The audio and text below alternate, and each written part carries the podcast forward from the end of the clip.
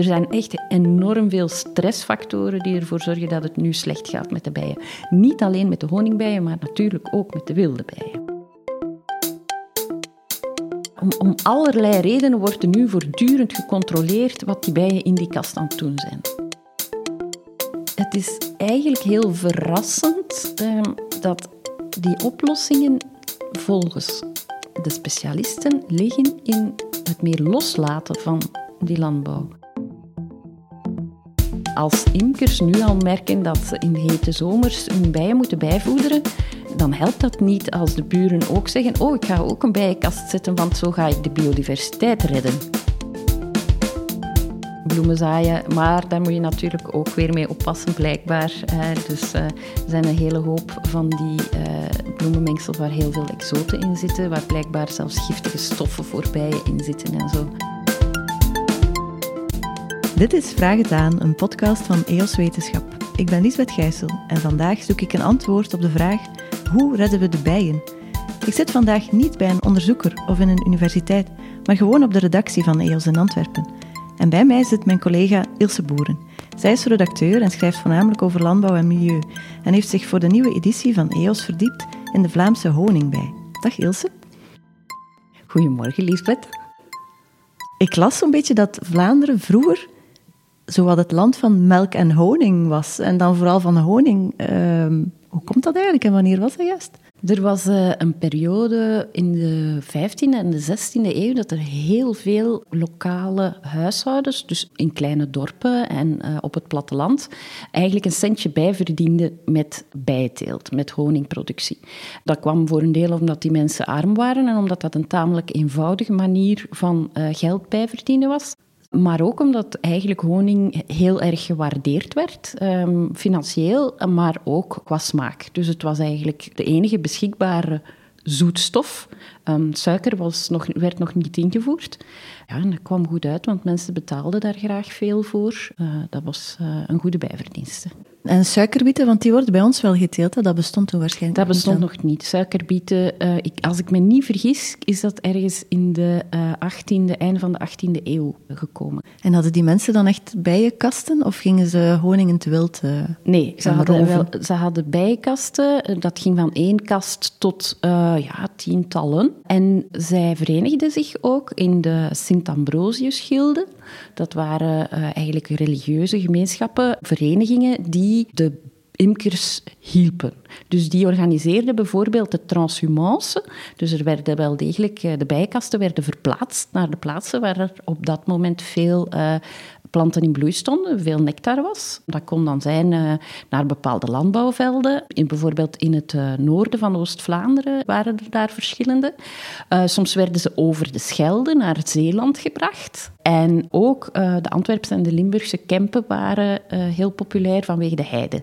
Want heide gaf een behoorlijk goede smaak aan de honing. Ah ja, dus die bijenkasten die stonden niet op één plaats in de tuin of op het veld van de boer in kwestie of de imker in kwestie, maar die die trokken daarmee rond. Ja, die werden verplaatst en, uh, om, om eigenlijk meer honing en betere honing te produceren. En uh, ja, dat is iets wat nu nog steeds gebeurt, uh, op grote schaal blijkbaar in de Verenigde Staten, maar ook in Europa, in Spanje en in Polen. Dus mensen die echt op grote schaal honing willen produceren, die verplaatsen hun bijenkasten nog steeds. Ja, en ik las dat er zelfs ook een verbod was op het plukken van wilde bloemen. Ja, ja dat vertelde uh, Thijs Lambrecht mij. Uh, dus die, uh, en wie is Thijs Lambrecht? Dat is een ruraal historicus. Dus die houdt zich bezig met de niet-stadsgeschiedenis, met de plattelandsgeschiedenis van de pre-industriële periode. En die heeft eigenlijk heel veel onderzoek gedaan naar ehm, historische documenten over bijteelt en de evolutie van de bijteelt hier in onze contraien. En uh, ja, die vertelde dus dat uh, er inderdaad uh, in politiereglementen dat hij daar heel veel over de bijenteelt vond. Dus onder andere dat er een verbod was op het plukken van wilde bloemen, hè, van, vanwege, omdat die eigenlijk moesten blijven bloeien voor de bijen. Um, dat er ook reglementen waren waardoor je als imker moest betalen als je niet van die gemeente was om je bijkasten in die gemeente te mogen zetten. Ehm, daar zijn dan prijslijsten van en dan bleek het bijvoorbeeld duurder te zijn in het midden van de heide dan aan de rand van de heide, omdat de kwaliteit van de honing beter was. Ja, dus uh, ja, er werd een, een hele hoop uh, georganiseerd. Het, het, was op brede schaal ingeburgerd, die bijteelt. Ja, ja. ja want zowat de helft van de gezinnen had een ja. bijenkast, had ik begrepen. Ja, inderdaad. Minstens één. En sommigen hadden er dus verschillende en die zagen het wat groter. Dus uh, dat is echt wel opvallend veel tegenover nu. Maar uh, nu is dat veel minder natuurlijk. Hè? Wanneer is dat eigenlijk beginnen te verminderen en waarom? Ja, dat is blijkbaar tamelijk plots beginnen verminderen. Um, uh, in het midden van de 18e eeuw, rond 1750. En dat kwam blijkbaar vooral door de economie. De suiker kwam binnen. Op eilanden uh, zoals Madeira uh, werd er uh, suikerriet aangeplant. En dan begon eigenlijk de grote, de grote suikerinvoer. Kwamen er hier ook suikerraffinaderijen. Antwerpen was daar blijkbaar ook een spilhaven in, om ervoor te zorgen dat suiker omgezet werd in, in ja, een eetbaar product. Dus het riet omgezet werd in een eetbaar product. En um, dat evolueerde zo sterk dat de suikerimport werd altijd maar groter. Suiker kon ook, uh, werd ook voor een deel met slavenarbeid geproduceerd. Dus ja, de, de honing kon er niet meer tegenop. De honingprijs kon er niet meer tegenop. We hebben het eigenlijk geoutsourced. Ja, we hebben het geoutsourced. Dat had allerlei gevolgen. Dus dat het niet meer de moeite was om bijen te kweken voor, voor uh, jonge mensen. Uh, voor, voor, hoe moet ik het zeggen? Voor, voor niet-professionelen eigenlijk. Uh, voor uh, gezinnen, omdat ze uh, hun honingprijs niet zo laag konden doen als de suikerprijs. En natuurlijk, in, in, in de, de laatste tientallen jaren spelen de bijen problemen, dus van de, van de bijen zelf, de ziekten en de parasieten. ja, natuurlijk ook een nefaste rol. Net als de landschapsveranderingen, klimaatveranderingen. Ja. ja, je hebt dan eigenlijk twee momenten waarop dat de, het aantal bijen wellicht verminderd is bij ons ja. in Vlaanderen, met die honingcrisis ja. in 1750 en dan eigenlijk nu, ik weet niet wanneer het dan begonnen is.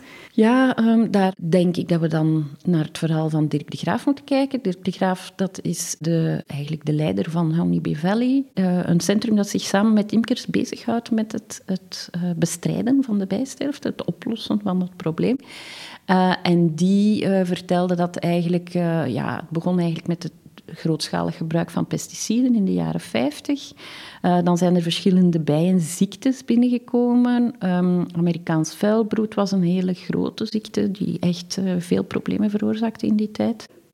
De ziektes zoals vuilbroed, eh, maar er zijn er nog meer ondertussen. Hè? Ja, um, een, heel erg, um, een heel erg ingrijpende uh, bijziekte die uh, wild om zich heen slaat, is de varroa-mijt.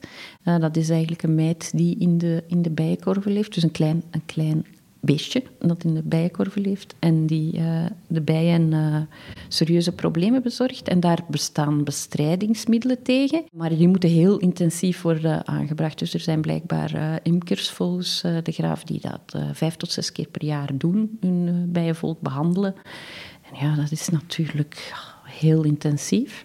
En dan ja, de Aziatische hoornaar maar geeft nu opschudding, veroorzaakt nu opschudding. Dat is eigenlijk een, een, een roofwesp uh, die uh, de bijenvolken zelf aanvalt. Die eet dan honingbijen? Of? Die eet eigenlijk bijen, ja, inderdaad. Dat is, dus die, dat, is niet, uh, dat is geen schimmelziekte of zo. Dat is een, ja, die, die, die eten larven van de bijen op, onder andere. En dan um, is er een kever onderweg uit Italië blijkbaar. Dus die zit al in Italië, die dat uh, ook aan de larven zit. Dan heb je volgens hem dus ook nog de grote invloed van uh, de klimaatverandering. Dus de hete zomers die veroorzaken. Uh, die zorgen ervoor dat er minder nectar geproduceerd wordt. Dus ja, nectar is hetgene wat de bijen eigenlijk eten. Dus er zijn echt enorm veel stressfactoren die ervoor zorgen dat het nu slecht gaat met de bijen. Niet alleen met de honingbijen, maar natuurlijk ook met de wilde bijen. En dan is er volgens mij ook nog een factor van het biodiversiteitsverlies toekoor, waarschijnlijk. Ja, absoluut. Minder bloemen in de, in de akkers uh, ja, en zo verder. inderdaad. Uh, want er wordt natuurlijk heel veel op uh, grootschalige productie ingezet. En dat betekent eigenlijk dat je elke vierkante meter met je landbouwgewas moet volzetten. als het een bloeiend gewas is um, dat door bijen bestoven wordt, is dat op zich misschien geen probleem. Toch niet voor de honingbij. Maar als dat uh, een windbestuiver is, ja, die bijen hebben daar niks aan. Hè. En dan, dan komt er inderdaad op neer van die grasranden en zo die we vroeger hadden, waar dan verschillende soorten bloemen in stonden. Ja. Die, uh, die verdwijnen omdat uh, landbouwers anders niet voldoende en geen, geen goed verdienmodel meer hebben. Hè. Zijn er eigenlijk veel gewassen die die bijen nodig hebben? Enorm veel. Dus er zijn heel veel uh, voedselgewassen die uh, bestoven worden door insecten, en meer specifiek bijen. Blijkbaar zijn 87 van de 115 belangrijkste voedselgewassen wereldwijd insectenbestuivers. Um, en die zouden bijdragen tot 35% van de globale voedselproductie, in volume dan. En ja, dat is heel divers. Het gaat om fruit, noten, uh, allerlei uh, groenten van de meloenfamilie, zoals pompoenen en komkommers, uh, en van de familie van de tomaten en aubergines. dan zaden en allerlei oliehoudende planten, zoals kokosnoot, zonnebloem, koolzaad. nog lekkere dingen, zoals cacao en koffie. Um, dus je ziet, het is echt heel belangrijk dat er bijenbestuiving is, ook voor onszelf, voor onze voedselproductie. Ja, zonder bijen blijft er niet veel over om te eten, precies. Nee, uh, aardappels, worteltjes en dan ja, grasachtige dingen zoals maïs, rijst, tarwe. Een beetje mager, hè? Ja, ja, inderdaad. We onderbreken even voor een korte boodschap en zijn zo meteen bij jou terug. EOS Wetenschap is een non-profit organisatie die er met onafhankelijke wetenschapsjournalistiek voor zorgt dat een breed publiek kan kennismaken met 100% betrouwbaar toponderzoek. Dat kunnen we niet doen zonder de steun van onze leden. Maak je het mee mogelijk? Surf naar www.eoswetenschap.eu word lid en verspreid met ons de wetenschap. Het is natuurlijk niet allemaal kommer en kwel, hoop ik. Misschien zijn er ook oplossingen die we kunnen bedenken om de honingbijen uh, te redden. Ja, en het is eigenlijk heel verrassend uh, dat die oplossingen volgens de specialisten liggen in het meer loslaten van die landbouw. Hoe moet ik het zeggen? De landbouwfilosofie achter de bijenteelt. Volgens de graaf is het probleem voor een deel zo dat de bijenvolken van nu uh, niet meer weerbaar zijn tegen wat hen overkomt. Dus al die stressfactoren, die kunnen ze niet zo goed aan. En dat ligt voor een deel omdat ze genetisch niet erg variabel meer zijn. Dus uh, mensen uh, die bijtelen neigen ertoe om, om eigenlijk graag ja, een genetisch zuiver volk te hebben. Die gaan uh, gekweekte koninginnen kopen om uh, eigenlijk een, een stabiele bijenpopulatie te hebben, die genetisch tamelijk identiek is. En geselecteerd zijn op Zoveel mogelijk productie dan? Zoveel mogelijk productie, ten eerste. En ten tweede ook op zachtaardigheid. Ja, dat is eigenlijk ook nog een leuk intermezzo. Dus onze bijen zijn blijkbaar uitermate zachtaardig. Ja, eerlijk gezegd, ik heb eigenlijk ook nooit schrik van een honingbij. En dat, dat hoeft ook blijkbaar niet, want die, um, je kan daar eigenlijk gemakkelijk in de buurt komen. Je kan die kast open doen. Um, over het algemeen beginnen die niet zomaar te steken. En daarvoor zijn die blijkbaar geselecteerd. Die keuze voor zachtaardige bijen is dan voor een deel gekomen door het voortdurende openen van die kast. Om ehm, bijvoorbeeld pesticiden te kunnen spuiten? Om inderdaad eh, bestrijdingsmiddelen tegen de ziektes te kunnen spuiten. Om te kijken hoe dat met de bijen is, toekoer. Om uh, een nieuw volk te maken, hè, dus bijen af te schudden. Om, ja, om, om allerlei redenen wordt er nu voortdurend gecontroleerd wat die bijen in die kast aan het doen zijn. En... Uh, hij beweert ook dat dat op zich ook een groot probleem kan vormen, omdat je eigenlijk dat bijenvolk voortdurend stresseert. Dus je kijkt voortdurend uh, van, uh, ja, uh, hoe gaat dat ermee? En ondertussen ja, worden die verstoord, die hun normale, gang, hun normale levenswijze, hun normale manier van doen, wordt voortdurend verstoord. Dus volgens hem zijn dat twee factoren die een, een probleem geven. Dus de genetische verenging door die strenge selectie en dan de manipulaties die je voortdurend uitvoert met je bijenvolk. Dus wat hij zegt is, um, we zouden eigenlijk die bijen een beetje meer met rust moeten laten op, op beide vlakken. Dus we zouden ervoor moeten kunnen zorgen dat je minder die kasten moet open doen. Dat kan voor een deel uh, door ervoor te zorgen dat ze zelfresistenter worden tegen ziektes. Dus dat je het niet meer voortdurend moet behandelen. En dat kan door uh, uw genetische verenging tegen te gaan. Want hij zegt van ja, bijenvolken die hier in het wild uh, of tamelijk wild gehouden worden, um, die gaan vanzelf aangepast zijn aan hun omgeving, want anders overleven ze het niet. Dus als jij niet behandelt tegen die varroa-mijt, ja, dan kweken die uh, volken vanzelf resistentie. En die gaan ze dan doorgeven aan hun nakomelingen, als jij tenminste niet telkens weer een koningin met uh, genetisch zuivere achtergrond daarbij zet.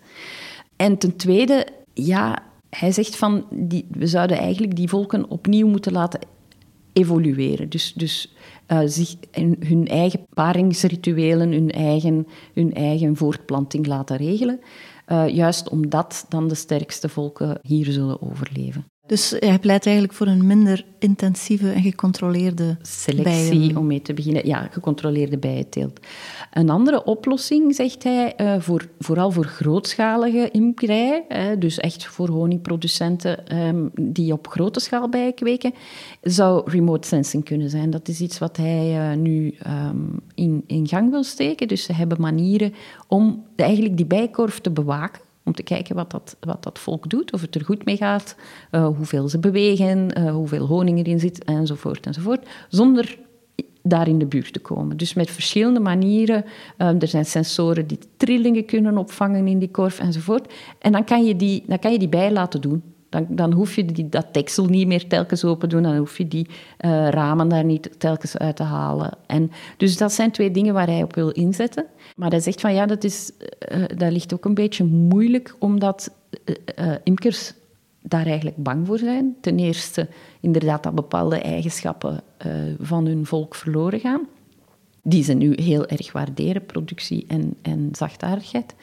En ook omdat ze denken als ze niet meer behandelen tegen de ziekte, dat er dan helemaal geen bijen meer gaan overblijven. Dus dat is zo'n moment van, van loslaten uh, en dat is niet zo gemakkelijk. Ja, dat zou wel kunnen natuurlijk, dat een, uh, een imker die niet zo heel veel kasten heeft, dat die gewoon niks overhoudt. Ja, dat zou dan wel kunnen, zeker in die beginfase, voordat ze echt zover zijn. Maar daarvoor willen zij dus met wetenschappelijk onderzoek ervoor zorgen dat dat zover niet komt. Dus dat ze de, de eigenschappen van die bijen goed kennen, dus de, de genetische uh, eigenschappen. Hij zegt bijvoorbeeld van, uh, wij hebben ontdekt dat er uh, volken zijn die acht puntmutaties in hun genen hebben. Dus dat zijn echt hele kleine veranderingen. Um, dat die ervoor zorgen dat die mijten, die varroa-mijten, zich niet kunnen voortplanten. Dus als hij zegt van ja, als we heel goed weten welke moleculaire uh, merkers, welke kleine veranderingen ervoor zorgen dat een bij resistent is tegen bepaalde omstandigheden, dan uh, kunnen we dat wel doen. Wat kunnen gewone mensen eigenlijk doen om die bijen te redden? Uh, imker zit wat in de lift, iedereen een bijenkast in de tuin dan? Ja, volgens de graaf is dat niet echt de oplossing. Uh, dus hij zegt, hij begrijpt het wel, dat mensen denken van ja, er zijn weinig bijen, dus ik ga, ik ga er ook houden. En uh, ja, dat is goed voor de biodiversiteit en de bestuivers enzovoort. Maar het probleem is natuurlijk dat de, de draagkracht van het milieu, dus van de planten daar rond, de, de nectar, nectarproducerende planten rondom ons, dat die ook maar beperkt is. Dus um, als imkers nu al merken dat ze in hete zomers hun bijen moeten bijvoederen, dan helpt dat niet als de buren ook zeggen: Oh, ik ga ook een bijenkast zetten, want zo ga ik de biodiversiteit redden. Hij pleit ervoor dat ook dat eigenlijk goed uitgezocht zou worden. Dat gaat volgens hem ook goed met landschapsmodellen, met remote sensing, om te kijken welke bijen gaan er naar waar, uh, wat staat er waar, hoeveel uh, nectar produceren die gebieden en hoeveel kasten, hoeveel bijenkasten kan dat gebied dan ook aan. En daar afspraken over te maken en ervoor te zorgen dat uh, ook dat, dat uh, ja, laat het ons een ecosysteem noemen, zelfs al gaat het onder andere over landbouwvelden en parken, dat dat, dat, dat ecosysteem niet overbelast wordt en dat ook wilde bijen nog een kans hebben. Ja, van die wilde bijen gesproken, je kunt natuurlijk ook geen kast zetten in je tuin, maar een bijenhotel maken. Is dat dan beter of is dat dan ook af te raden, omdat die wilde bijen ook gaan concurreren met alle bijen die er al zijn? Um, nee, um, in principe um, zijn die wilde bijen sowieso afhankelijk van de draagkracht. Uh, dus als er geen wilde bijen zijn, om, omdat er te weinig nectar is, gaan die niet in jouw bijenhotel komen. Dus uh, ja, het, dat, dat kan wel helpen, omdat je daar op zijn minst zelf geen dieren extra introduceert. Dus je, je wacht af tot ze zelf komen. Ja. Dus, en dan kan je natuurlijk ook nog bloemen zaaien, hè? denk ik bloemen zaaien. Maar daar moet je natuurlijk ook weer mee oppassen, blijkbaar. Dus uh, er zijn een hele hoop van die uh, bloemenmengsel waar heel veel exoten in zitten, waar blijkbaar zelfs giftige stoffen voor bijen in zitten en zo. Ook allemaal niet vanzelfsprekend. Ook als er op het zakje staat dat het een mengsel is voor bijen of Blijkbaar wel. Blijkbaar wel. Er worden blijkbaar zogezegde bijenmengsels verkocht die er helemaal niks mee te maken hebben. Ja, oei, en wat kan je dan nog doen? Je gras niet maaien dan? Ja, ervoor zorgen dat eigenlijk de wilde, de wilde planten uh, in bloei komen voor je ze maait. kan ook geen kwaad van je groenten te laten uh, opschieten als je er te veel hebt uh, en in bloei te laten komen. Kan ook geen kwaad. Goeie tips, denk ik, om je af te sluiten. Maar uh, mensen die meer willen weten, kunnen wellicht meer lezen in jouw artikel dat in EOS verschijnt. Ze kunnen veel meer lezen in mijn artikel. Uh, daar staat ook heel veel uh, geschiedenis en alle bedenkingen van die beide onderzoekers in. Ja, en dat artikel kun je dus vinden in de nieuwste EOS. En die kun je weer vinden in de tijdschriftenwinkel. Dat is www.tijdschriftenwinkel.be. Of natuurlijk in jouw fysieke tijdschriftenwinkel. Dankjewel Ilse voor het gesprek. En jij, luisteraar, bedankt voor het luisteren. Dit was Vraag het aan, een podcast van EOS Wetenschap. Wil je op de hoogte blijven van nieuwe podcasts van EOS? Abonneer je dan op het kanaal van Vraag het aan en schrijf een review over de podcast. Dat helpt om hem te verspreiden. Bedankt.